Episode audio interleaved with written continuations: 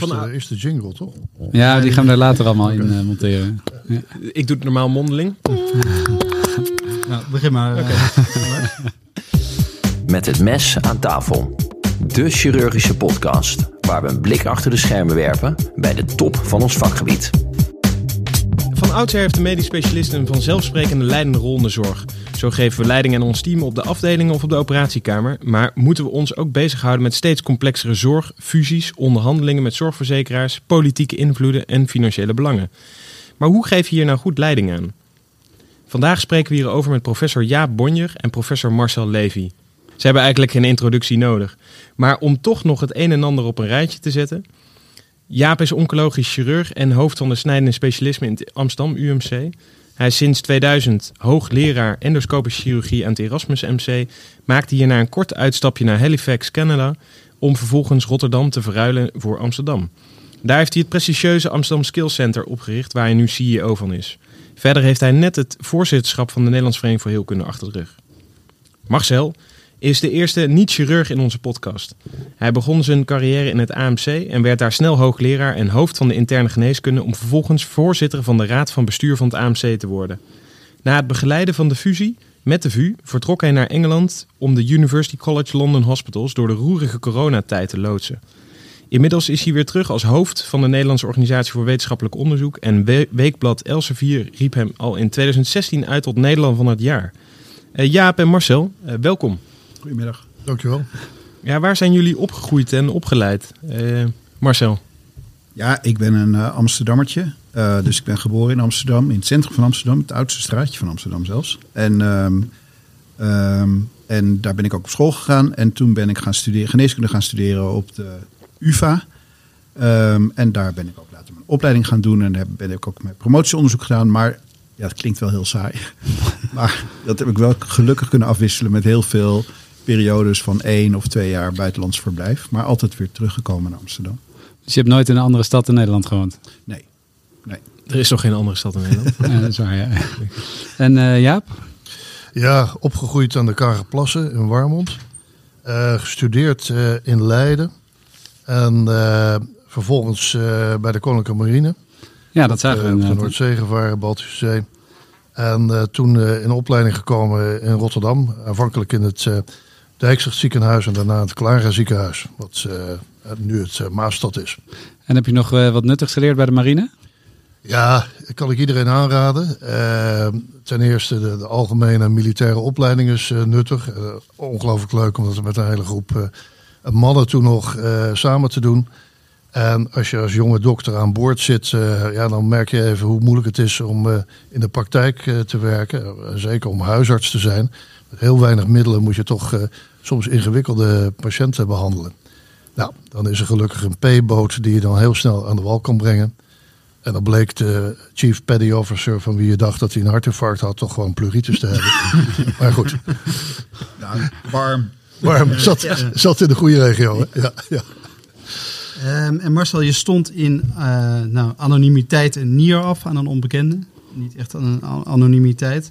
En dat was een kabbalistisch idee, zoals je uh, werd gequote. Wat, wat is dat? Nou, geen idee. Dat is ook geen tekst van mij hoor. Dus, dus er worden al hele gekke dingen gezegd. Kabbalistisch en, en, en bar, barmartig en al. De, het, dat is het allemaal niet hoor. Het, het, uh, ik, ik had het gewoon van iemand anders gehoord dat hij het had gedaan. En ik had er nog nooit over nagedacht. En toen dacht ik, wauw, dat is wel gaaf. En zou ik dat niet ook moeten doen? En het paste gewoon goed in mijn leven. En ik ben heel fit en... Uh, en heel gezond. En, uh, en uh, niemand is afhankelijk van mij. Dus ik dacht, nou, dat kan ik toch prima doen. En dat ging ook gelukkig dus je, heel soepel. Dus je bent verkeerd gequote eigenlijk dan? Uh... je wordt voortdurend verkeerd gequote. ja. en, en zou je dat ook kunnen zien als een onderdeel van leiderschap? als een soort voorbeeldfunctie? Nee, daar heb ik het allemaal niet voor gedaan. Absoluut niet. En... en uh, uh, ik ben wel een beetje opgevoed door mijn ouders in in, met een soort uh, achtergrond van je moet vooral weggeven wat je kunt missen. Dus dat was meer het motief. En verder heeft het er allemaal niks mee te maken. Ik wilde het ook eerst helemaal geen rugbaarheid aan geven.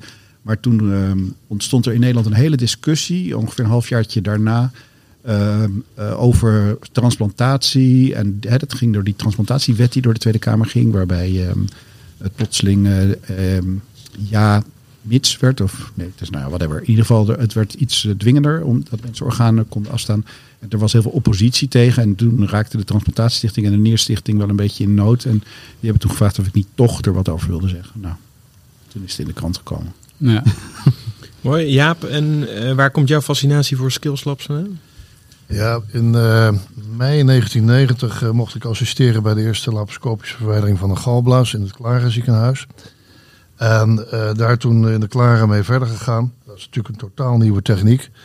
En toen dacht ik, ja, het is eigenlijk toch heel bijzonder dat we dat allemaal in de dagelijkse praktijk onszelf proberen aan te leren. Dat was eigenlijk de aanleiding om te gaan kijken naar een skillcenter.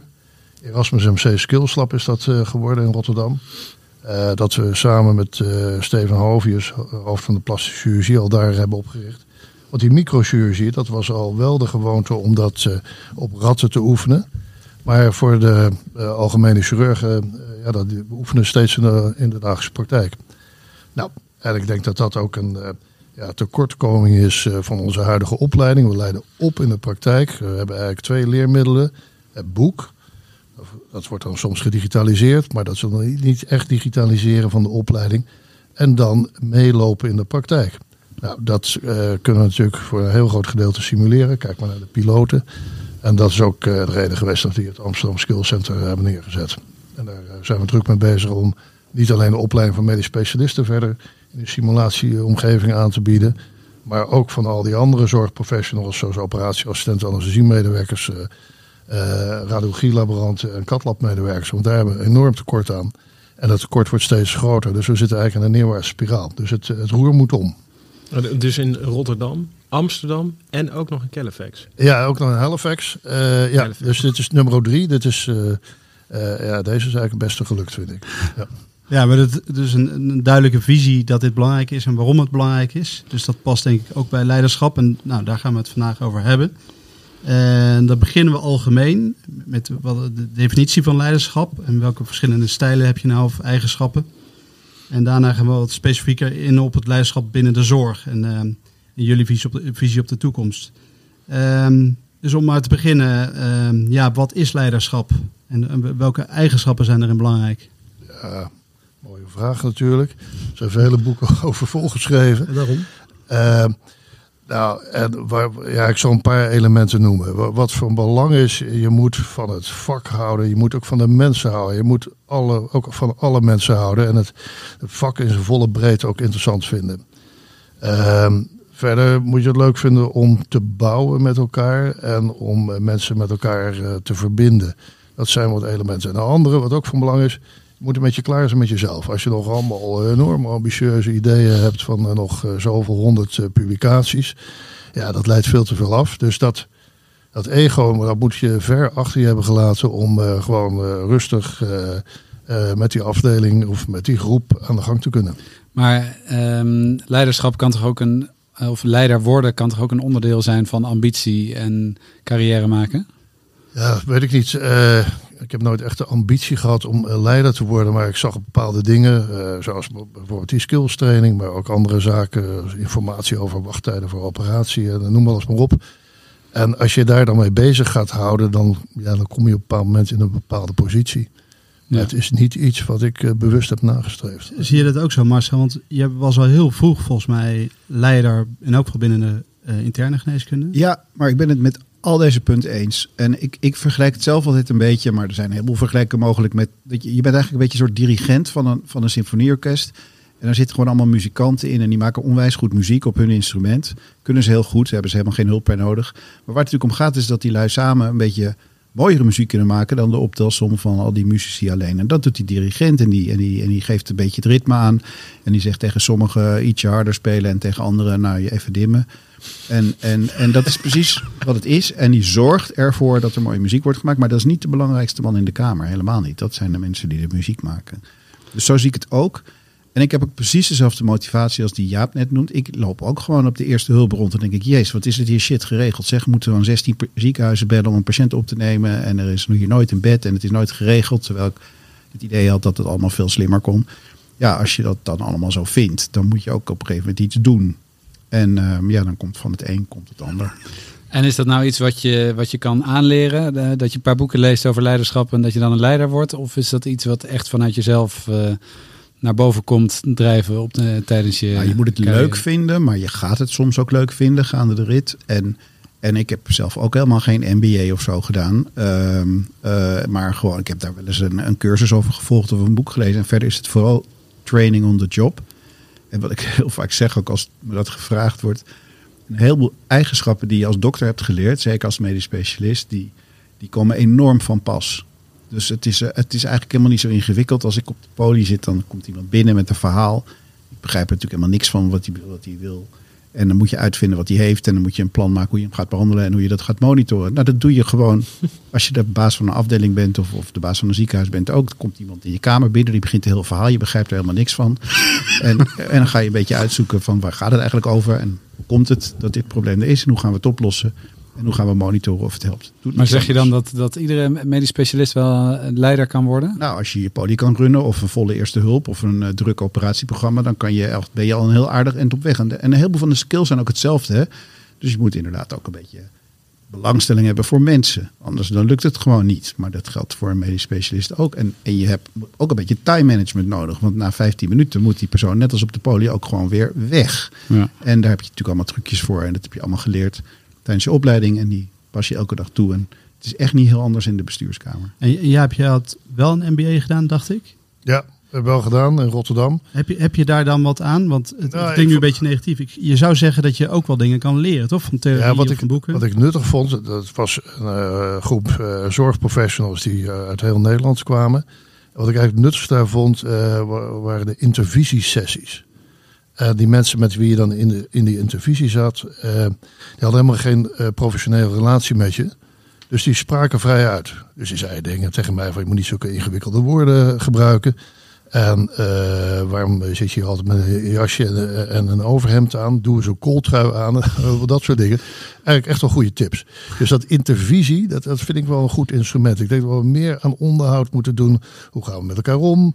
Wat vinden we allemaal oké? En alleen dat is moeilijk om dat in je werkomgeving te doen. Want er zit altijd een afhankelijkheid. Dus het ben beter om ook- dat te mixen. Ik ben ook helemaal niet tegen MBA. Dat hebben we zelfs hier in Amsterdam ook opgezet en, en aangeboden aan een heleboel jonge mensen die dat heel erg leuk vonden. Maar het hoeft niet. Het moet, het moet ook een beetje bij je passen. Het kost onwijs veel tijd. En als je het al heel druk hebt en je hebt ook nog een ander leven, dan eh, moet het maar passen ook. Maar het is niet echt 100% nodig.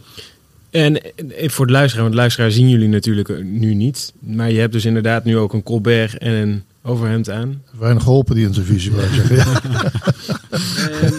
ja, Nee, maar het, het is wel eh, belangrijk, want eh, in die podcast zoeken we natuurlijk van hoe, hè, dat je, eh, hoe kan je het nou leren? Hè? Hoe, hoe, kom je nou, hoe word je nou een goed leider? Dus daar zoeken we naar elementen van. En dat, dus dat is misschien een beetje een MBA, dat, maar het, het, het gewoon leren of Ja, dus, het opvallen. Dat, maar je dat, moet dus wat theoretische achtergrond hebben. Ja. En dat kan op heel veel verschillende manieren. Dan is het vooral doen. En vooral ook af en toe een fout maken. Maar dan moet je het ook wel zien dat je een fout maakt. Of Ja. iemand moet het je wel zeggen. En daar moet je dan weer van leren. Je er denk open dat, voor staan. Dat dat, dat dat allemaal heel belangrijke dingen zijn. Het is helemaal niet zo erg om een foutje te maken. Of om een grote fout te maken. Als je er maar wat aan hebt dan. Ja, maar het is ook bewustwording van wat gebeurt er nou en wat is mijn rol in het geheel. Want eh, we hebben het nu over leiderschap, maar iedere medisch specialist eigenlijk, iedere zorgprofessional is een leider. Ja. Eh, een chirurg die dienst heeft, is, is de leider van die dienst. En ja, er wordt nogal vaak gekeken naar het afdelingshoofd of eh, naar de raad van bestuur. Hè. Sommige mensen denken dat daar een geldmachine staat. Ja, we hebben met z'n allen een verantwoordelijkheid voor de middelen die we hebben. En als afdelingshoofd eh, heb je denk ik een hele belangrijke rol om dat ook uit te leggen en uit te dragen aan de mensen. Dat we met z'n allen moeten doen.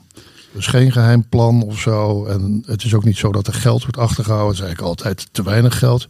Dus we moeten met z'n allen eruit zien te komen. Maar jullie zeggen eigenlijk, hè, je hebt eigenlijk een grote band eh, en, en die moet je wat in banen leiden. Maar volgens mij moet je toch ook wel ergens competitief zijn aangelegd om, om zo'n band tot een hoger niveau te tillen. Je moet toch ook ambitieus, streber is misschien een negatief woord, maar Volgens mij was een orkest, eh, Lars, geen band. band, orkest. Ja, ja maar d- d- dat is.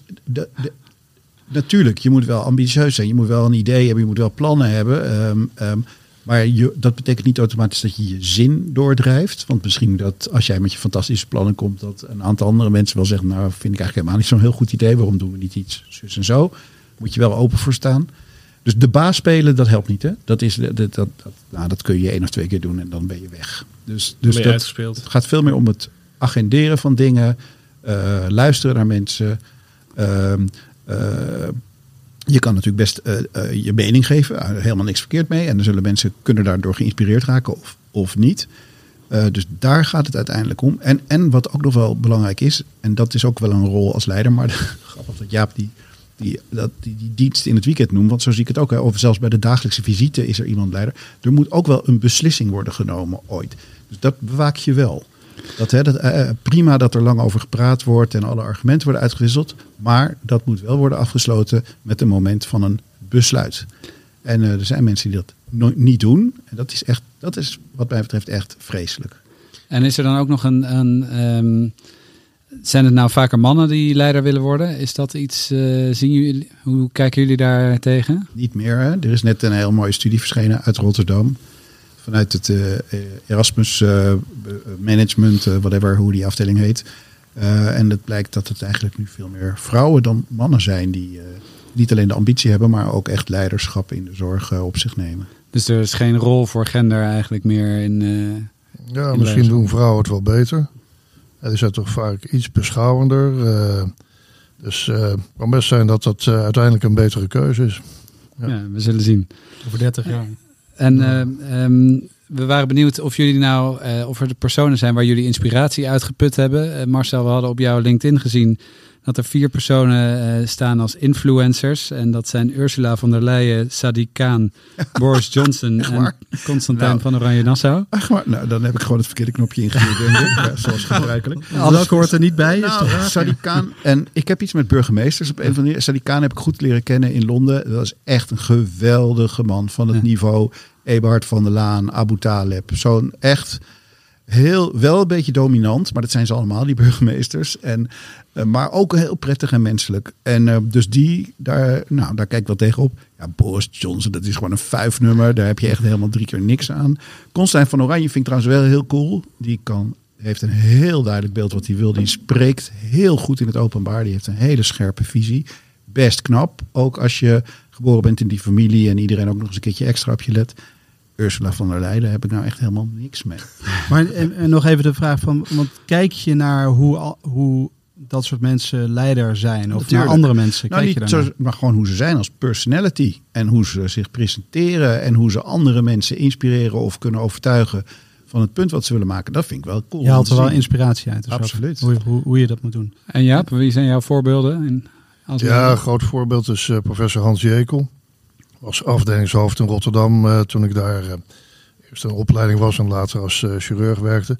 En waarom? Omdat hij altijd accent legt op het positieve. Gaat uit van het positieve, zoekt de positieve op, zoekt de verbinding. dus dat is echt een groot voorbeeld. Ja, en voor wie ik ook veel bewondering heb is voor Mark Rutte. Uh, en dan heb ik bewondering voor zijn energie, voor zijn overtuigingskracht. Maar ook weer voor die positieve invalshoek uh, die hij telkens kiest. Nou, ik kan allemaal dingen zeggen over zijn politieke voorkeur. Uh, maar als energiek leider veel bewondering voor hem. Ja. Um, en nou staan in al die managementboeken ook allerlei soorten leiderschap en stijlen en, en, en, werkwijzes. Um, en Marcel, je hebt gezegd dat verandering moet komen vanaf de werkvloer. En, maar dat pleit dus voor een bottom-up pleit en niet top-down. Maar hoe, hoe begeleid je dat vanuit de top? Want jij zit op de top. Dus hoe, hoe zorg je dat dat gebeurt? Ja, nou, ik, ik, al die stijlen, daar wil ik nog wel iets van zeggen. Dat, ik lees dat allemaal ook, hè. En er zijn er wel twaalf of zo. En uh, ik denk, ja, je moet gewoon vooral jezelf zijn, hè. Want als zodra je niet authentiek bent, dat, dat zien mensen onmiddellijk. Als je een rolletje gaat spelen of een beetje heel democratisch gaat doen, terwijl je dat helemaal niet bent. Nou, dat, dat wordt hem gewoon niet. Dus je mag ook best een beetje autoritair zijn als dat toevallig jouw personality is. Als je maar niet dat te extreem doet. Maar dus, dus daar ben ik vrij cool in. Ja, verandering van de werkvloer. Ja, de, de, corona is inderdaad een fantastisch voorbeeld. Maar en toevoegen, maar waarom doen we het niet altijd zo? Want als je nu iets wilt veranderen op de werkvloer, hè, als gewoon uh, specialist of als dokter in een ziekenhuis, dan word je echt alleen maar gefrustreerd en ontmoedigd. Want eerst moet er een business case komen. Nou, dat is eigenlijk gewoon een trucje om tegen je te zeggen: ga terug in je hok. Want het is echt totale onzin. Het is echt totale onzin. Want je kan die business case kan je maken zoals je wilt. Dus het is gewoon een, een kunstje, een oefeningetje. En als het een grote verandering is, dan moet Deloitte komen of KPMG. Die doen echt helemaal niks. Die komen jou gewoon urenlang interviewen om te horen hoe het moet. En dan zetten zij dat in een PowerPoint-presentatie en dan vragen ze dan een paar ton voor. Dus het is toch onzin. We hebben dus ziekenhuizen propvol met superslimme mensen die de hele dag op die werkvloer staan, die echt wel weten hoe dingen moeten. Maar verandering laten we niet aan die mensen over. We hebben in, tonnen in zich geïnvesteerd, maar we vertrouwen ze voor geen cent. Maar je moet het wel organiseren. Nou, je moet het niet eens organiseren. Mensen komen zelf met hele goede ideeën. Dus je moet dat vooral aanjakkeren en, en, en enthousiasmeren. En ze niet weg een kluitje in het riet wegsturen. En zeggen, ik vind het wel een heel leuk idee. En natuurlijk, iedereen snapt dat je niet alles kunt wat iedereen op elk moment verzint. Maar als je eerste reactie is, hé, hey, wat een goed idee. Daar gaan we eens een keertje aan werken. En uh, hoe kan ik je daarbij helpen? Dan heb je plotseling een heel ander uh, cultuur in je, in je ziekenhuis of organisatie dan wat we nu heel vaak zien. Komt er eigenlijk ook een beetje terug van uh, dat je inderdaad altijd zegt van je moet eigenlijk overal ja op zeggen. ja, dat, oh, dat is niet in dank afgelopen. Maar dat, dat, ik vind, ik hou van ja-zeggers. Gewoon mensen die uh, als er wat gevraagd wordt, als eerste reactie ja zeggen. En niet gelijk van, oh, hoe moet ik dat doen? En hoe gaat het dan met thuis? En de kinderen moeten ook nog naar hockey. En uh, dat, uh, dat krijg ik allemaal niet erin gepast. Dat, dat, is, dat komt later wel. Ja, Natuurlijk, het is ook allemaal belangrijke dingen hoor. Ik wil die, maar als je eerste reactie ja is en ik ga ervoor, dan ehm, word je ook voor van alles nog wat gevraagd. Ook voor hele leuke dingen, ook voor hele leuke baantjes of, of, of rollen. En als je twee of drie keer nee zegt, dan word je gewoon ook niet meer gevraagd. Nee, en Jaap, uh, hoe zie jij dat? Heb je een, een leidersstijl uh, gekozen? Of, of uh, nee, het vanzelf? Even voor te gaan op wat Marcel net zei.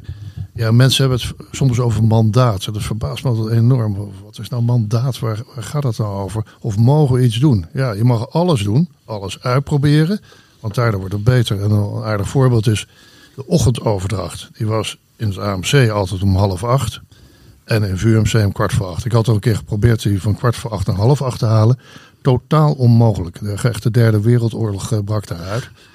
En toen, ja, wij moesten natuurlijk gaan, gaan synchroniseren om een gezamenlijke overdracht te hebben.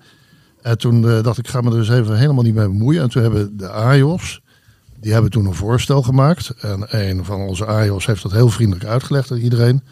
En nu dragen we allemaal om half acht over. Goh, ik ben jaloers. Zeg, dus moet je internisten, die krijg je niet voor half negen aan de praat. Daar moet je dus een AIOS inzetten, we hebben net geleerd. Ja. Maar, dus dat is, uh, dat is een voorbeeld van, van delegeren eigenlijk. Uh. Ja, daar, kijk, uh, jonge mensen die kijken er heel fris naar. Die zijn niet belast door het verleden. Die kunnen ook heel mooi erover vertellen. En die hebben daar ook een grotere overredingskracht. Dus ja, dat is goed om daarvan gebruik te maken. En hoe, hoe kies je nou wat je delegeert? En uh, dat is denk ik een belangrijk onderdeel. Ja, je hebt natuurlijk bepaalde uh, mensen naar wie je altijd toe gaat als er echt iets moet worden geregeld. En ja, dat zijn er altijd een paar. En dat zijn eigenlijk de mensen die ja zeggen. En die geen problemen maken of zien. En het gewoon ook oplossen. En eventjes een mailtje of een appje aan de hele groep sturen. En de boel vooruit duwen. Dus uh, dat is uh, uh, hoe ik dan delegeer. En hoe, hoe, delegeer je goed, Marcel? Wat, wat is daar belangrijk in? Ja, vind ik een van de moeilijkste dingen persoonlijk. Want ehm, ik, ik, ik, je moet delegeren, want daarmee bied je mensen ook ruimte. En dan geef je ze gelegenheid zelf om, om te groeien. En, en, en ook eens een keertje wat moois te doen. Of misschien ook een fout te maken. Want ik denk dat dat ook helemaal niet zo erg is. Dat is weer leerzaam. maar ik doe ook heel graag wel dingetjes zelf. Um, dus dan word je onmiddellijk beschuldigd van micromanagement. Maar ik denk, ja, micromanagement, ik doe gewoon zelf iets. Gewoon, omdat nou, de, het gedaan moet worden. Daar heb ik wel een goed voorbeeld van. Want we, we, we, gingen deze afspraak van die podcast maken. En toen vroeg ik je van, uh, zal ik anders even met de secretaresse even regelen... dat we een, een, een tijdstip uh, vinden... Maar dat, dat regel je graag zelf. Ja, dat is toch allemaal tijdsverspilling? Dan ga je de secretaresse bellen, gaat de secretaresse gaat allemaal opties, dan gaat ze mij weer vragen van mag het wel zo s'avonds na, uh, want uh, na je polies en zo.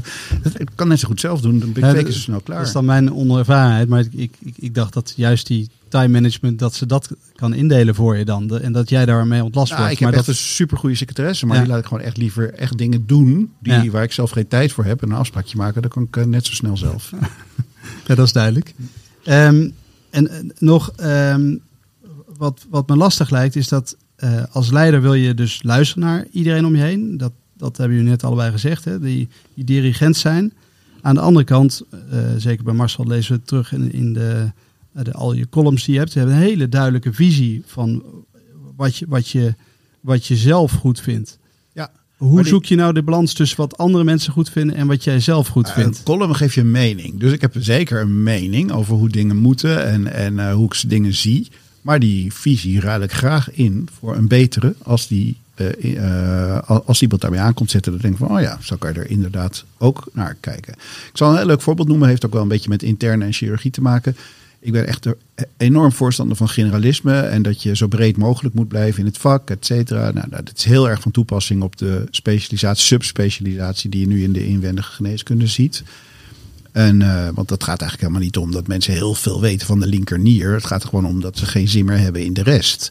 En nou, dat probeer ik dus de hele tijd gewoon uh, heel, erg, heel erg uit te dragen.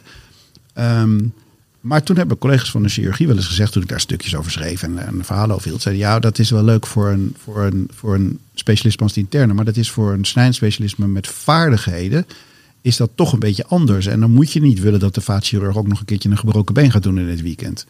En toen dacht ik, oh ja, oh ja dat, is, dat is natuurlijk wel waar. Dat is een kant die ik helemaal nog niet zo had overzien. En dat nou ja, kan je dan weer, het kan weer een startpunt zijn om daar weer wat langer over verder te denken. En Jaap, hoe, hoe zoek jij die balans? Want je, je hebt een eigen mening, maar dus, je wil juist naar iedereen luisteren. Hoe combineer je die, die, aandacht, is, uh, aandacht is van belang en ook openstaan uh, voor kritiek natuurlijk. Uh, dat is ook van belang. maar ja, je eigen mening is ook wel van belang als het gaat over van wat ze, waar liggen de grenzen. En om eventjes uh, iets te zeggen over algemene medische competenties. Ja, ik, het is inderdaad beter dat iemand die alleen maar vaatchirurgie doet, dat hij dan niet die patiënt met die fractuur gaat behandelen. Maar hij kan wel, een vaatchirurg kan wel degelijk een patiënt met een uh, ongevalsletsel opvangen. Dus die algemene competenties, die hebben we allemaal. En daar hebben we soms best wel pittige discussies over. En ik begrijp het dan echt niet meer. Want je hebt een studie van minimaal zes jaar. Dan word je nog een keertje twee jaar weer ANIOS. Daar zijn we acht jaar bezig, algemeen bezig. En dan eens een keer zes jaar algemene opleiding. Ben je dus veertien jaar ben je bezig. En dan gaat iemand mij uitleggen dat hij eigenlijk een amnesie heeft voor veertien jaar van zijn leven.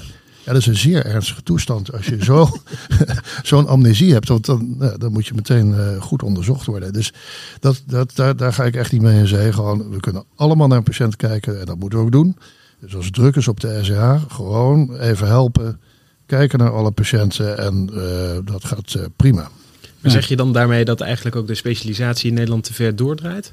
Dat we, want we, zijn nu, we hebben nu zo ver gespecialiseerde diensten in de grote ziekenhuizen. Ja, maar het probleem is niet dat mensen gespecialiseerd zijn. Dat is geweldig. Het is hartstikke goed dat we mensen hebben die alles weten op een bepaald klein gebiedje. En dat helemaal bijhouden en misschien ook wel onderzoek doen. Maar het gaat erom dat ze geen zin meer hebben in de rest. Dat ze gewoon alles wat voor de rest is outsourced. Dus jij, nou, het voorbeeld wat jij hebt noem, noem ik ook altijd hetzelfde. Heel leuk om voor cardioloog te praten. Die wordt namelijk heel snel boos. um, en dan zeg ik, jullie hebben, jullie hebben zes jaar algemene opleiding gehad. En dan nog drie jaar vooropleiding interne. Dat zijn negen jaar dat het voor de helft van de tijd over diabetes gaat. En dan doe je nog drie jaar cardiologie. Dus je hebt drie keer zoveel diabetes gehad als dat hart. Maar er is geen cardioloog in Nederland die gewoon diabetes meebehandelt bij zijn patiënten. Dan moet er weer iemand komen. En wat zegt die iemand? Acht of twaalf eenheden, want dat is ongeveer het antwoord. Zo moeilijk is het niet. Ze hebben gewoon geen zin meer in. Maar geen zin, maar zelf vind ik eigenlijk gewoon niet acceptabel. Ja, dat klinkt ook een beetje negatief, hè? Maar ze hebben het gewoon geoutsourced, laat ja, ik het zo zeggen. We hebben toch een fantastisch beroep. We werken in een ongelooflijk leuke omgeving. Inspirerend. Dus ja, voor geen zin, daar ligt bij mij wel de grens. Maar dan hebben we een mooi bruggetje, want uh, nog even los van deze discussie waar we nu wat uh, ver in doorgaan. Maar uh, inspiratie is natuurlijk belangrijk als leider. En hoe, hoe inspireer je nou mensen? Hoe doen jullie? Hoe, hoe doe je dat, Jaap? Ja, toch wel door het goede voorbeeld te geven. En door mensen te helpen, ze te laten zien dat eigenlijk heel veel mogelijk is. Bijna alles is mogelijk. En ja, daar aandacht voor te hebben waar iemand naartoe wil. En ze daarbij te helpen. En je hebt, uh, je hebt de Nederlandse bevolking toegesproken uh, ja. op televisie ja. bij het programma Op 1. Ja. Um, je keek direct in de camera en sprak het volk toe. Uh, indrukwekkend moment. dat is eigenlijk ook een, een vorm van leiderschap, zou je wel kunnen zeggen, denk ik. Ja, ja, het, was toen, en het is nu natuurlijk ook nog steeds van groot belang, dat we echt even met z'n allen daar uh, uh, ons aan die maatregelen hielden. En er werd heel erg gekeken naar uh, wat Rutte dan zei, wat de RIVM zei. Denk ik, ja, allemaal een beetje flauwekul. We weten allemaal precies wat we moeten doen. Dus doe dat nou ook even, want dat kost helemaal niks, die anderhalve meter afstand. Nou, ik zal niet nog een keer de preek houden. Maar ehm, eh, ja, dus moeten mensen ook aanspreken op individuele verantwoordelijkheid. Maar doe je dat dan als leider of als dokter? Of is die nou, ik had die dag, ehm, en ik, had, ik, eh, ik heb eh, zelf op één benaderd. En ik was er eigenlijk even helemaal klaar mee. we hadden toen iets van acht patiënten af moeten zeggen, omdat we helemaal vol lagen met COVID. Ja, als je dan uh, ja, de, gewoon het verdriet en de pijn bij die patiënten hoort, dat is, het is eigenlijk toch te gek dat we er niet alles aan doen om het aantal COVID-patiënten zo klein mogelijk te houden. Nou, dus dat was voor mij de reden om daar te gaan zitten. Dat ik, nou ga ik dus even het volk goed toespreken. Maar dat komt wel weer helemaal terug op wat jullie op het begin zeiden. Dat je blijkbaar iets opvalt wat, wat, je, nou, wat je raakt en waar je dan Tuurlijk, op je kijkt om je heen. En ik, ik voel ook heel erg mee bij het leading by example gebeuren. En soms moet je het ook gewoon duidelijk zeggen. En soms moet je het ook een beetje andersom draaien. Ik, weet, kan me ook nog herinneren, dat was in Londen zo. Dat zal in Nederland misschien ook wel hier en daar zijn geweest. Dat het ook heel druk was en dat de intensive care helemaal op spanning stond. En de verpleging ook er half doorheen zat. En dan kan je ook tegen ze zeggen van, nou, ja maar luister eens. Uh, hier zijn jullie toevallig heel erg goed in. Hebben we jaren voor getraind. En kijk eens, nu moeten we het doen en het lukt ook nog allemaal. Dit is en dan gaan mensen toch een beetje anders kijken. En, niet, uh, en dan zijn ze nog steeds moe. Maar dan hebben ze denk ik toch een andere mentale opstelling. En dan gaan ze, hebben ze veel meer energie. Maar dit is inderdaad dus motivatie één op één. Of dit is motivatie uh, naar een kleine groep toe. Maar jullie inspireren en motiveren mensen dus ook niet alleen via televisie. Maar ook via social media kanalen. Want dat vinden jullie dus schijnbaar ook belangrijk. Hè? Via columns, eh, via Facebook, Instagram, ik weet niet wat allemaal. Maar het vreet ook heel veel van je tijd. Hoe, hoe doe je dat? Ja, past er allemaal net in. Maar is dat een eigen agenda? Is dat belangrijk, al die, die social media? Gebruiken jullie dat bewust om, om meer mensen te bereiken? Nee, het is voor mij meer van, uh, goh, ik vind dit en ik ben benieuwd wat andere mensen ervan vinden. En dan uh, is het dat wel een heel mal, grappig medium waar je heel snel reacties op krijgt. En uh, hoe gaat het dan, die reacties? Nou, de meeste reacties. Ik ben gelukkig nog niet zo heel erg geplaagd door, ehm, door heel veel vervelende sociale media reacties. Maar af en toe er schrijft iemand wat. En dan denk ik, nou, daar ben ik het wel mee eens, ben ik het niet mee eens. Het is gewoon. Nou, het is eigenlijk een soort, bijna een vorm van reflectie, wat net al even werd genoemd. Ja. Um, en als we het dan over leiderschap uh, in de zorg gaan hebben, nou, dat hebben we het eigenlijk al een beetje.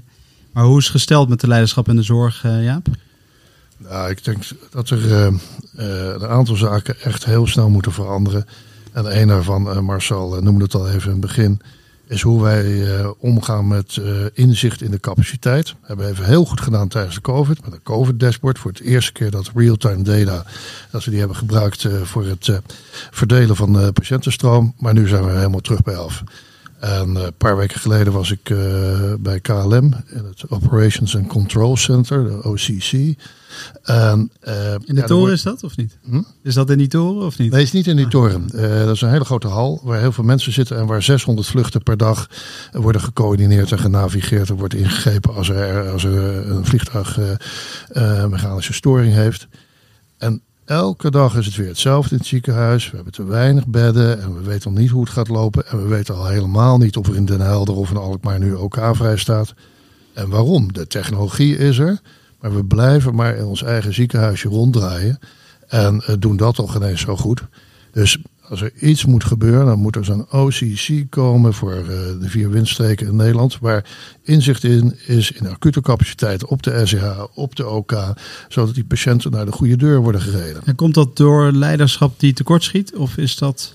Ja, dat krijg je. Uh, kan Marcel wel wat meer over zeggen als uh, oud-voorzitter van de Raad van Bestuur. Maar dan krijg je van die hele ingewikkelde gesprekken. Ja, ik vraag nog steeds, het gaat toch hier toch om, om de patiënt, maar dat ja, verzandt dan weer een, een nog ingewikkelder Het is heel cultureel bepaald, hè? want in Engeland, uh, in Londen ging dat echt heel anders. Daar had je echt wel, en dat was gewoon met Epic, hè? hetzelfde programma als wat we hier gebruiken. Was allemaal, dus het is er, maar we gebruiken het niet. Ook zo'n kamertje van, niet zo groot als bij de KLM, maar wel van 10 bij 10, waar drie of vier mensen werkten met allemaal schermen aan de muur alle afdelingen in beeld. Patiënt ging gewoon daar naar waar een plek was. En er waren ook best wel regeltjes dat voor specifieke expertise werd er een bepaald algoritme gevolgd. En dat was dan voor de hele stad? Voor de hele stad. Er was enorme coördinatie. En, dat werd allemaal, en nu, ik had het afgelopen weekend ook dienst. En toen was er een patiënt die moest naar de IC. Maar die moest naar de IC elders, waar de patiënt ook bekend was. Ja, die hadden alleen een noodbed. Ik zeg, nou, komt dat even goed uit, want we hebben nood. ja, ja. Nee, want we moet, noodbed moet vrij blijven voor nood. Ik zeg, maar er is nu nood. Dat, Die discussie heeft gewoon een half uur geduurd. Ongelooflijk. Het is natuurlijk op zich wel interessant wat jullie beiden zeggen. Hè? Want dit, dit centrum hadden we natuurlijk gewoon in Nederland, in Rotterdam, het commandocentrum met Ja. corona. Ja. En dat is daarna helemaal weggezakt. Ja, zelfs regionaal. Hè? Want je kan nog zeggen, een beetje ingewikkeld. Want het gesleept met al die mensen van Limburg naar Amsterdam en andersom. Met bus. Maar, maar eh, regionaal is er, kan je het, weet ik veel, neem eh, Noord-Holland plus Utrecht of zo bij elkaar. Kan je dat natuurlijk prima doen. Maar is het dan de moeilijkheid dat niet iedereen Epic heeft en dat iedereen Hicks heeft? Nee, Dat- het, is, het, is, het is mindset, het is gedrag. En we zullen er naartoe moeten, dus die urgentie gaat ons helpen. Want we gaan nou, eh, één, naar één traumacentrum toe in Amsterdam. Eh, OVG gaat ook lateraliseren naar OVG West. Dus dan eh, gaat het allemaal nog veel nauwer luisteren. Dus dan moet echt die patiënt naar het goede ziekenhuis worden gereden. En moet er snel kunnen doorplaatsen naar een ziekenhuis waar, ruimte is. Dus het moet komen. En ja, die bewustwording en die motivatie moet echt ontstaan bij de besturen van de ziekenhuizen. Maar ook bij de medisch specialisten. Want we kijken als medisch specialisten altijd naar de bestuurders. Daar hebben we al hele lange verhalen over. Maar als we nou eens alle medisch specialisten in Noordwest-Nederland zeggen: zo willen we het. Nou, drie keer raaien wat gaat gebeuren. Dan gaat het gewoon zo gebeuren. Maar dit is precies dus eigenlijk ook wat we met jullie wilden bespreken. Want moet de medisch specialist niet de voorzitter van de raad van bestuur zijn? Ja, of die nou de voorzitter van de Of raad van bestuur is. moet hij niet in de raad van bestuur zitten? Ja, eh, nou kan, eh, goed idee. Maar de medisch specialisten moeten de verantwoordelijkheid pakken die ze hebben. Want wij zijn eindverantwoordelijk voor de zorg van de patiënten. En natuurlijk, ultimo is dat de raad van bestuur. Maar je kan vier of vijf mensen kan je niet de verantwoordelijkheid geven voor een organisatie van 17.000 mensen waar 24-7 allemaal heel ingewikkelde dingen gebeuren. Ja, Maar ik je- denk dat zelfs nog, nog één stapje verder gaan. Het is handig als er medici in de raad van bestuur zitten en als de voorzitter dat ook is. Handig, maar niet per se noodzakelijk. Het is veel belangrijker dat al die medisch specialisten dit gewoon willen. En dan gaat het gewoon gebeuren. Want dan kan, ja, maakt het helemaal niet uit wie er in de raad van bestuur zit. Dan gaat het namelijk gewoon gebeuren. En is het dan nog belangrijk om eh, hoogleraar te zijn, om, om eh, dat soort eh, leiderschapsrollen te kunnen nemen? Of, eh, Nou, Nee, kijk, dat, dat, dat maakt dan ook niet zoveel uit. Nee, dat, nee, die hele titel is natuurlijk al Het is wel vaak. aan eh, inflatie onderhevig geraakt. maar- Laten we wel wezen. Nee, ik denk dat je veel belangrijker, en dat heeft, dat, misschien bedoel je dat, je moet wel overtuigingskracht hebben bij je collega's. Dus ze moeten niet denken, ja, dat is Jantje en eh, die heeft altijd van die vage plannen. Ze moeten wel denken, oh nee, dat is, dat is een van ons en die eh, komt nu met een serieus voorstel, dus daar gaan we serieus naar kijken. En hoe ging dat? Want volgens mij was je ergens in de 30 toen je daar leider van de interne werd. Hoe, hoe gingen dan de gesprekken met de professor van 62? Ja, dat was inderdaad wel even spannend. Dat zal ik eerlijk toegeven. Dat was ook mijn enige puntje dat ik dacht van, zal ik dit nou wel gaan doen? Want ja, die lui waren een paar jaar daarvoor nog gewoon mijn opleiders. Dus het werd een beetje ingewikkeld. Maar daar zijn ze zelf, eh, en dat is echt credits voor de internisten in het AMC, heel erg sportief mee omgegaan. En eigenlijk vanaf dag één is dat nooit een probleem geweest. Ja, dus dat is. Dat hoeft dan ook wel geen probleem te zijn dat, je de, dat er 30 jaar Nee. leeftijdsverschil is. Ja. Nee, misschien was er hier en daar wel een probleem, heb ik het niet gezien. Nee. Ehm, maar ik had er in ieder geval geen last van, laat ik het zo zeggen. Als je maar nuttige inbreng hebt. Ja. En is het nou nog belangrijk om, eh, jullie werken allebei nog in de kliniek. Het is niet dat jullie eh, alleen maar leiderschap doen. Eh, is dat belangrijk? Doen jullie dat omdat het leuk is? Of, of word je anders niet serieus genomen? Als, Ja, als het is belangrijk om voeling te houden met, met het hele ziekenhuis. Je moet ook gewoon rondlopen. Je moet niet de hele dag achter het bureau gaan zitten. maar rondlopen, met mensen praten. En ja, wat ook nuttig is, twee weken geleden nog een nachtdienst gedaan, in huis geslapen. Ja, dat, eh, dan, dan voer je toch weer gesprekken die je anders niet voert. Dus Maar, eh, maar ehm, is dat dan de meest efficiënte methode? Want als je, als je zo'n. hè, je had, eh, Marcel, je had poli gedaan vandaag. Dan zit je een hele dag met, ja, met allerlei patiënten. Maar terwijl als je van de werkvloer, dan moet je langs de schoonmaak, dan moet je langs de.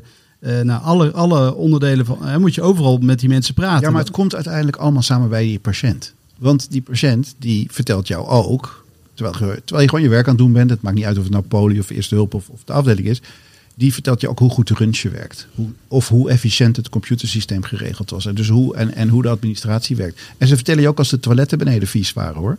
Dus het, weet je, dat, is de, dat staat allemaal niet in boardpapers. Maar dat, dat, als je dus gewoon actief bent op de werkvloer, het maakt niet uit waar, dan dan heb je pas echt door hoe het gaat. En Dan, dan is het dus heel efficiënt is het eigenlijk. ja, en onderwijl praat je even met de balieassistent of met de verpleegkundige. En dan hoor je ook een beetje of die een beetje happy zijn of juist gefrustreerd door iets. Dus dat is een schat aan van informatie die je anders gewoon echt niet krijgt. En, en eh, doen ze dit nou in Halifax of in Londen? Geven ze daar nou anders leiding? Of staan ze daar ook op de werkvloer? Of de- Jaap? Nou ja, Canada is anders georganiseerd qua gezondheidszorg. Denk ik een heel mooi model. Het is per provincie georganiseerd en die provincies zijn opgedeeld in zones. Die zones waar je eerst districten en de districten waar je eerst counties. Dus eigenlijk het oude Engelse systeem is dat. En eh, wat ik daar mooi vind is dat eh, de zone is één. Dus toen ik eh, chief of surgery van, was van Capital Health District, vielen vier ziekenhuizen onder mij. En onder de CEO eh, vallen dan ook eh, de Rehab eh Instituut, ook de Nursing Home. Dus het is echt integraal. En ja, dat, dat vind ik wel een mooi model. En dat, wij zijn- wij zijn heel goed in het samenwerken als Nederlanders. Maar als het gaat om regionaal samenwerken, dan wordt het opeens weer moeilijk. En dat kan ik eigenlijk niet helemaal begrijpen. Maar is de leiderschap zelf, is dat anders? Moet je mensen andere, anders benaderen? Of, of, Ehm, ja, wat daar geaccepteerd wordt, is dat je eh, site chiefs hebt. En die een grote verantwoordelijkheid en een grote autonomie hebben. Ehm, ze hebben niet dat eh, overspannen gedoe over eh, hoogleraren. Want je bent gewoon assistant professor. Na vijf jaar kan je associate worden. Na vijf jaar kan je full worden. En wat ook heel mooi is, dat in de hele regio heb je ook academische aanstellingen. Dus het is, eh, het is niet alleen een klinische regio, maar ook een academische regio. Eh, zijn denk ik wel eh, zaken die het overwegen waard zijn. Het klinkt wel alsof jullie allebei erg positief zijn over de tijd in het buitenland. En Dat, dat, Oh eh, ja, ik heb een heleboel verschillende landen gezien. Ik heb ook twee jaar in Italië gezeten, een tijdje in Amerika, twee jaar in België. Eh, en het leuke is, zo'n verblijf leert je niet heel veel van zo'n land. En echt niet alles is ideaal hoor. Ehm, maar je ziet heel veel goede dingen. Overigens leer je ook heel veel over Nederland. Eh, dat je denkt van, oh, dat hebben wij in Nederland toch even heel veel beter georganiseerd dan hier. Dus ik kan het iedereen aanraden om wat tijd in het buitenland door te brengen. Geeft echt het opent een wereld. en, en wat heb je in, in Londen, als je één ding mag noemen, wat heb je daar dan geleerd? Ehm, nou, in Londen heb ik denk ik, eh, en dat is dan eh, tijdens de COVID-tijd, wat maar de laatste twee jaar was van de, van de kleine vijf jaar dat ik er was, ehm, dat het wel heel fijn is als er gewoon iemand de baas is af en toe. Eh, dat eigenlijk bedoel ik daarmee te zeggen dat er besluiten worden genomen. Ehm, in Nederland eh, willen we zo graag het allemaal eens worden met elkaar dat het soms Poldermodel. eindeloos duurt en wordt er gewoon geen besluit genomen omdat we er niet uitkomen met elkaar. En dat, dat verstikt.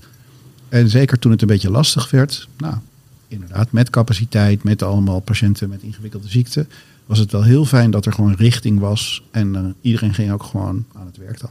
Dus je kan beter een eh, niet goed overwogen besluit nemen dan geen besluit. Oh, daar ben ik van overtuigd.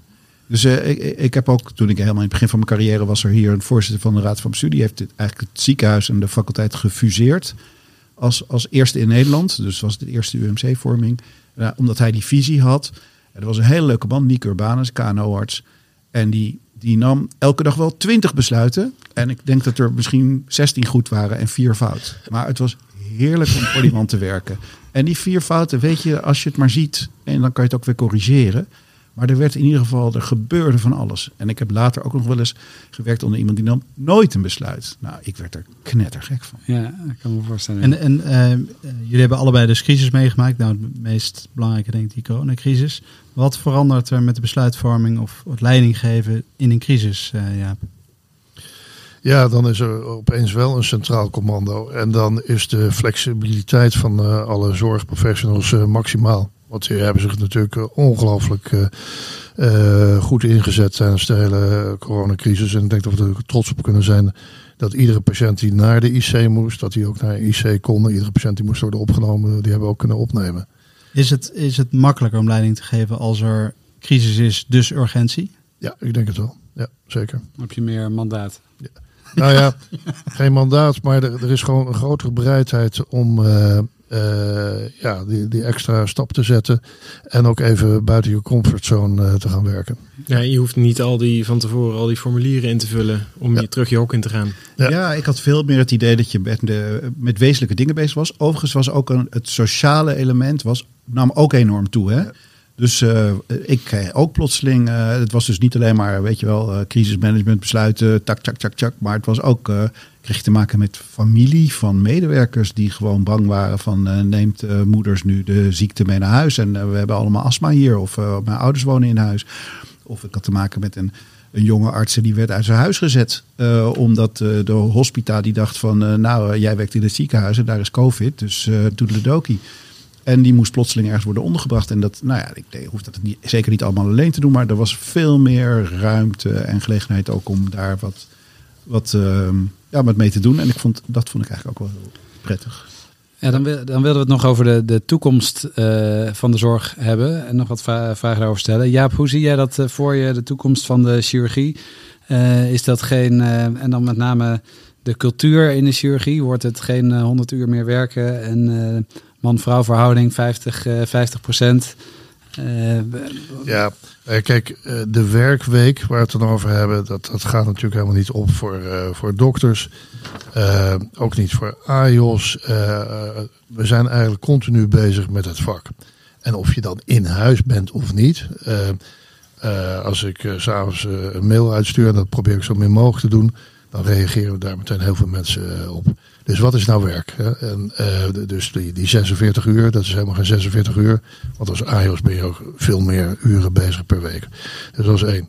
Ja, als we kijken naar uh, onze AIOS, uh, we hebben volgens mij nu meer vrouwelijke AIOS dan mannelijke AIOS. Dus dat, ja, dat gaat niet naar 50-50, dat gaat gewoon naar 60-40, 70-30. waarbij we dus meer vrouwelijke chirurgen zullen hebben dan mannelijke.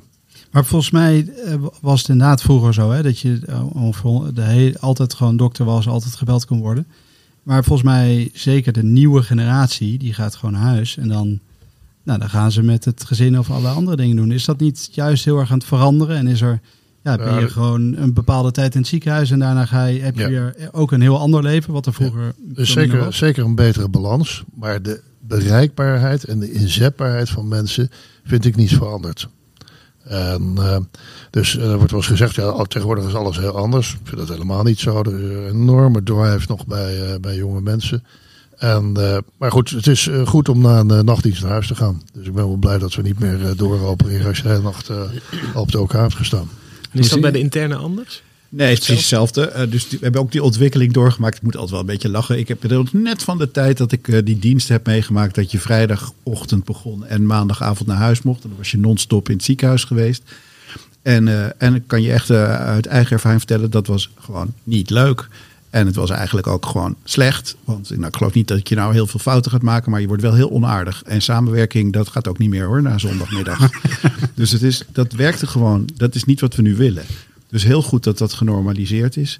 Ik praat ook wel eens voor studenten en assistenten. Wat mij opvalt, is intrinsieke motivatie is geweldig. Mensen gaan nog steeds helemaal voor het vak, willen ook ruimte, willen ook dingen gaan doen.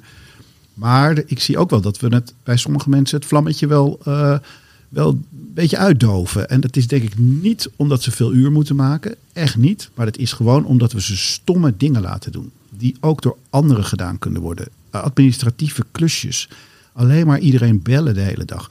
En dat ze gewoon, en dat, dat denk ik demotiveert. Dat je denkt, ja, ben ik hier nou voor? Voor al die, kijk, er is altijd een beetje corvée, maar het is denk ik nu veel te veel doorgeschoten. En daardoor raken mensen hun motivatie kwijt. Niet dat ze veel uren moeten maken, want dat doen ze inderdaad nog steeds. Ja, want jullie, werk, jullie zijn van de generatie allebei, nou ja, in ieder geval 80, 100 uur werken. Vinden jullie dat lastig om leiderschap te geven aan een jongere generatie die misschien 30, 40, 50 uur werkt? En... Helemaal niet. ik ben er ook wel, vind er juist een beetje trots op dat ze gewoon hun eigen pad kiezen en gewoon doen zoals zij het willen. En meer tijd aan de uh, jonge kinderen of het gezin of sociale leven willen besteden. Prima toch? Hartstikke goed dat ze daar zo duidelijk voor kiezen. En dat ze een andere balans proberen te vinden dan dat ik misschien heb uh, geprobeerd te vinden toen ik in de opleiding was. Ik, daar kan ik alleen maar heel blij mee zijn. Daar ga ik ook niet zagrijnig over doen. Um, en, en, Marcel, als je nog uh, de kans geeft om in de toekomst te kijken, wat, wat zijn er grote veranderingen binnen de zorg die, die eraan gaan komen? Nou, kijk, we, we, praten wel de hele tijd over taakherschikking, maar er komt natuurlijk nog helemaal geen fluit van terecht. In Nederland dan. Ik heb in Engeland gezien dat je gewoon een twee keer zo grote poli kunt doen op een veel relaxtere manier. Als je gewoon met een goede gespecialiseerde verpleegkundige werkt die ook gewoon mandaat heeft om dingen te doen. Ik zag tot mijn zagarij nou weer dat de minister weer de, de, de, de wet BIG weer ergens in de koelkast heeft gezet uh, uh, eerder deze week. slaat echt helemaal nergens op. Want er, er is, het is ook in Nederland heel moeilijk om dit voor elkaar te krijgen. Met allemaal verlengde armconstructies die, die allemaal half-half kunnen, half niet kunnen. Dus daar moeten we het vinden. En dan maken we het werk ook gewoon echt weer leuker voor heel veel mensen. Ook voor de verpleging. Want die weten soms precies wat er moet. Die kunnen het, maar moeten dan toch weer wachten tot de jongste bediende ergens een handtekening komt zetten. Dat is toch echt flauwekul. En heb je ook nog tips voor chirurgen? nou, nou nu, nu, past bescheidenheid, denk ik. Uh, nou, jij ziet. Ja. Nou, ik vind, ja, nee, ik vind, uh, pff, jeetje, moet ik even over nadenken. En, en Jaap, heb jij nog tips voor een chirurg? Dan kan Marcel even nadenken. Ja, nou, kijk, we zitten natuurlijk in, uh, nu in een moeilijke fase. En niet alleen voor chirurgen, maar ook voor internisten, cardiologen, orthopeden. Uh, te veel jonge medisch specialisten, dus echt ongelooflijk ingewikkeld. Nou, dit jaar gaan we het wat terugdraaien, de instroom. Hopelijk gaat dat dan een goed effect geven. Um, ja, tip voor de chirurg: blijf gewoon algemeen specialist. Dus specialiseren in verbondenheid, zeg ik altijd maar. Maar uh, ga niet helemaal in een hoekje zitten. En waar het vak naartoe gaat, natuurlijk, uh, is er steeds, steeds meer robotische ingrepen. Ik weet dat Marcel daar nog niet zo enthousiast over is. Maar als het digitale interface beter wordt, dan wordt dat niet alleen maar robotisch, maar wordt het ook beeldgestuurd. En daarmee gaan we echt een ja, nieuwe fase in, in de chirurgie. Uh, even een kleine correctie. Ik, ik ga kennelijk heb ik het image dat ik tegen robotchirurgie ben.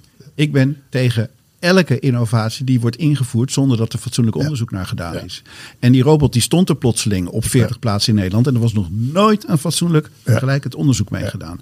En, hij, en, en mensen ja, het is beter omdat het beter is. Maar er was, hé, hoezo dan beter? Betere uitkomsten, minder incontinentie of impotentie bij prostaatpatiënten, betere chirurgische of oncologische uitkomsten, nooit aangetoond. Betere ergonomie? Ja. Nee, Oké, okay, maar dan is het een arbo-dingetje. Ja. Maar dan gaan we het gewoon ja. verkopen als een arbo-dingetje. Misschien hebben we er even tijd voor nodig voordat alle studies uh, zijn uh, en, en, nog één dingetje. Wat ik, werd een beetje getriggerd door wat je net zei. Van, van um, uh, nou ja, goed. Dus, dus, dus dat, dat, dat, dat er, als er onderzoek naar gedaan is en het is beter, natuurlijk gaan we het dan doen. Even over die te veel specialisten. Ik, ik heb een beetje afwijkend standpunt. Er zijn helemaal niet te veel specialisten. Er zijn te weinig banen. Ja. En, en, en waarom zijn er te weinig banen? Ik weet het eigenlijk niet. Er is werk. Iedereen wil meer tijd voor de patiënt en meer tijd om rustig zijn werk te kunnen doen. Er zijn genoeg adequaat opgeleide mensen. En, en dat vergeten we, er is zat geld. Als je kijkt naar de jaarrekening van alle academische ziekenhuizen, alle STZ-ziekenhuizen, knal positief. En waarom geven we dat niet uit aan wat meer banen voor medisch specialisten, waarvan we nu al weten wat we zo over vijf of tien jaar toch allemaal nodig hebben? En die kleine ziekenhuizen die hebben allemaal van die malle MSB's. Daar kan ook echt wel iemand bij en dan gaan ze allemaal 3% minder verdienen. Nou, dat, je merkt het gewoon niet eens in je huishoudportemonnee. Dus ik denk dat er gewoon helemaal niet te veel specialisten zijn. Er zijn te weinig banen. En dat is, dat is de opgave die we met z'n allen moeten oplossen. Ja, ja en dat is tegelijkertijd een hele ingewikkelde. Ik vaak op aangesproken als voorzitter van de Nederlandse Vereniging voor Heelkunde. Uh, maar om die MSB's om te turnen, dat, is, uh, dat vraagt heel veel leiderschap. nou, daar kunnen we nog een hele podcast uh, mee vullen, denk ik. Quick for. we gaan door naar de ene laatste rubriek, de Quick dan gaan we, we stellen jullie vragen die we iedereen stellen, die we in onze podcast krijgen. En Jaap, we beginnen bij jou. Wat is jouw grootste passie buiten het ziekenhuis? Grootste passie buiten het ziekenhuis is zeilen. Ja. En Marcel? Mag er maar één noemen, hè? Ja, mag er maar één noemen. Uh, dan is het toch uh, wielrennen, denk ik. Okay, allebei sport. Um, en uh, ja, wat zou je gaan doen als je geen chirurg was geworden? Ah, dan was ik natuurkundige geworden. Ja, heb je dat... Serieus overwogen, ja. ja. ja. ja. En Marcel? Ja, ik wilde altijd chirurg worden. maar, mijn vader had mij het magische mes gegeven. Een heel gaaf boek. En vanaf die tijd wilde ik chirurg worden. Dus pas in mijn kooschap. Waar is het misgegaan? Ja, ja in mijn kooschap niet, niet echt misgegaan. Ik denk, chirurgie in het OVG was een cowboy tent. was echt helemaal geweldig. Maar ik dacht ook, ik vond het interne net iets leuker. Ja. Uh, en Jaap, uh, wat zou voor jezelf als advies geven als je uh, nu terugkijkt naar de eerste dag van je opleiding? Eerste dag van de opleiding. Mijzelf het advies. Ja. Um, ja, precies weer zo doen. Um, even terugdenken de eerste dag in het Dijkster ziekenhuis. Um, ik zou eigenlijk niet iets anders doen dan ik toen heb gedaan. Gewoon okay. lekker aan de gang. Marcel? Helemaal mee eens. Ik zou, het echt, echt, ik zou het echt zo overnieuw willen doen allemaal. Ik vond het allemaal leuk. Van de eerste dag tot, tot nu. Dus ehm, ja. Nou, dat klinkt heel positief. En uh, Jaap, de grootste verandering binnen de geneeskunde tijdens je carrière, wat is dat geweest? Ja, laparoscopische chirurgie. Ja. ja. En Marcel? Ja, hier kan ik echt niet één antwoord op geven. Ik, ik ben heel opgewonden over hoe het in de, in de geneeskunde gaat. Echt, het is, elke drie maanden gaat het gewoon beter. En dat probeer ik ook heel tegen studenten te zeggen. Dat we nu pilletjes hebben voor ziekten die vijf jaar geleden gewoon echt dodelijk waren. En, en, en dat die pilletjes ook gewoon tot een complete genezing kunnen leiden zonder al te Ja, ik ben gefascineerd door. Ja, studenten kijken je dan aan van wat een fossiel zeg. Dat, uh, die hebben gewoon niet gezien dat iemand met, uh, weet ik veel, met een myeloom binnen vijf jaar een marteldood stierf. En, en dat hepatitis C ook leidde tot verschrikkelijke problemen. Toen we nog maar net wisten dat het hepatitis C was. En het is nu allemaal, allemaal zo op te lossen. Ongelooflijk. Duivelse dilemma's. Um, dan gaan we naar het ene laatste onderdeel. En dat zijn de duivelse dilemma's. Uh, die zijn uh, nou, persoonlijk samengesteld door, uh, voor, voor jullie zelf. Um, en we, je mag er één van de twee kiezen over het algemeen. Jaap, nooit meer gebrek aan geld of nooit meer gebrek aan personeel? Nooit meer gebrek aan personeel. En Marcel, minister van Volksgezondheid of minister-president? Geen van tweeën. Oké, dat is duidelijk. Uh, Jaap, alleen nog maar kliniek of nooit meer kliniek? Ah, op dit moment. Ja. Uh, dan uh, nooit meer kliniek. Oké. Okay. Marcel, een rustig pensioen in Perugia, Italië of toch nog een paar erebaantjes in Nederland? Ik ben nog niet klaar. Nee, ik ga dat pensioen, daar droom ik van. Ja. Maar dat mag, hoeft niet gelijk hoor. Mag over het 10, 20 jaar ook nog wel. Ja. En Jaap, baas van het AMC worden of een grote groei van het skillcenter? grote groei van skillsetten. En uh, Marcel, stel nou dat je, ja, je hebt gezegd dat je het nooit wil worden, maar stel je wordt toch door het lot gekozen als minister van uh, Volksgezondheid. Wat zou dan uh, je eerste grote verandering zijn die je doorvoert? Nou, dan gaan we gewoon wat doen. Weet je, mijn voorbeeld is Els Borst. Als je kijkt hoeveel wetten die er doorheen heeft gekregen en hoeveel dingen die heeft veranderd fascinerend. Het is niet mijn partij, maar ik vond het een geweldige vrouw. En het was dus iemand die dat gewoon deed omdat ze gewoon de wereld kende en wist hoe het moest. En nu gebeurt er gewoon niks. Er gebeurt gewoon helemaal niks. Dus er moet wat gedaan worden. Uh, dan Jaap, de laatste vraag. Um, um, borrelen en de wintersport met chirurgen? Of moeten we de internisten ook een keertje meevragen? Ja, internisten zeker meevragen.